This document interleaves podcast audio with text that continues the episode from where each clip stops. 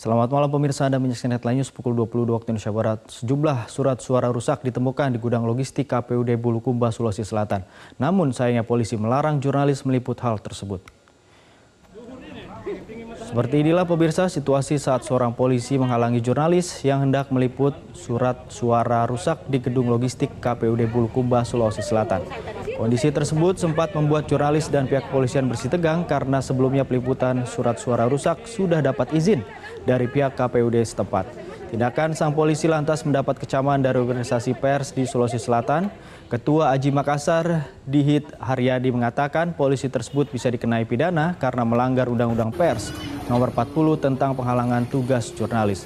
Sementara Sekretaris IJTI Makassar, Hairil mengatakan tindakan polisi tersebut menunjukkan ketidakpahaman terhadap fungsi dan tugas jurnalis sehingga perlu kembali dibina oleh institusi Polri.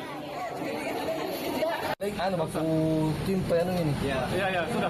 Yang kedua Eh, kami menyesalkan sikap dari kepolisian eh, yang melarang kerja-kerja jurnalistik.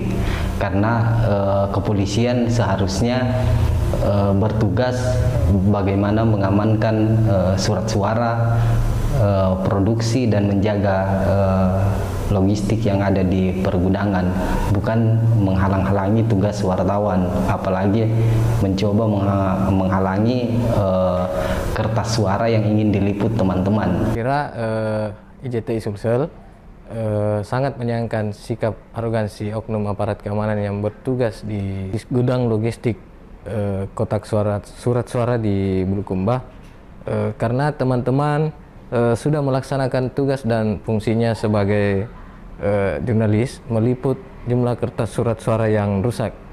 Jurnalis juga eh, bahkan diundang oleh penyelenggara pemilu untuk meliput eh, proses sortir dan peliputan surat suara di eh, gudang tersebut. jelajahi cara baru mendapatkan informasi. Download Metro TV Extend sekarang.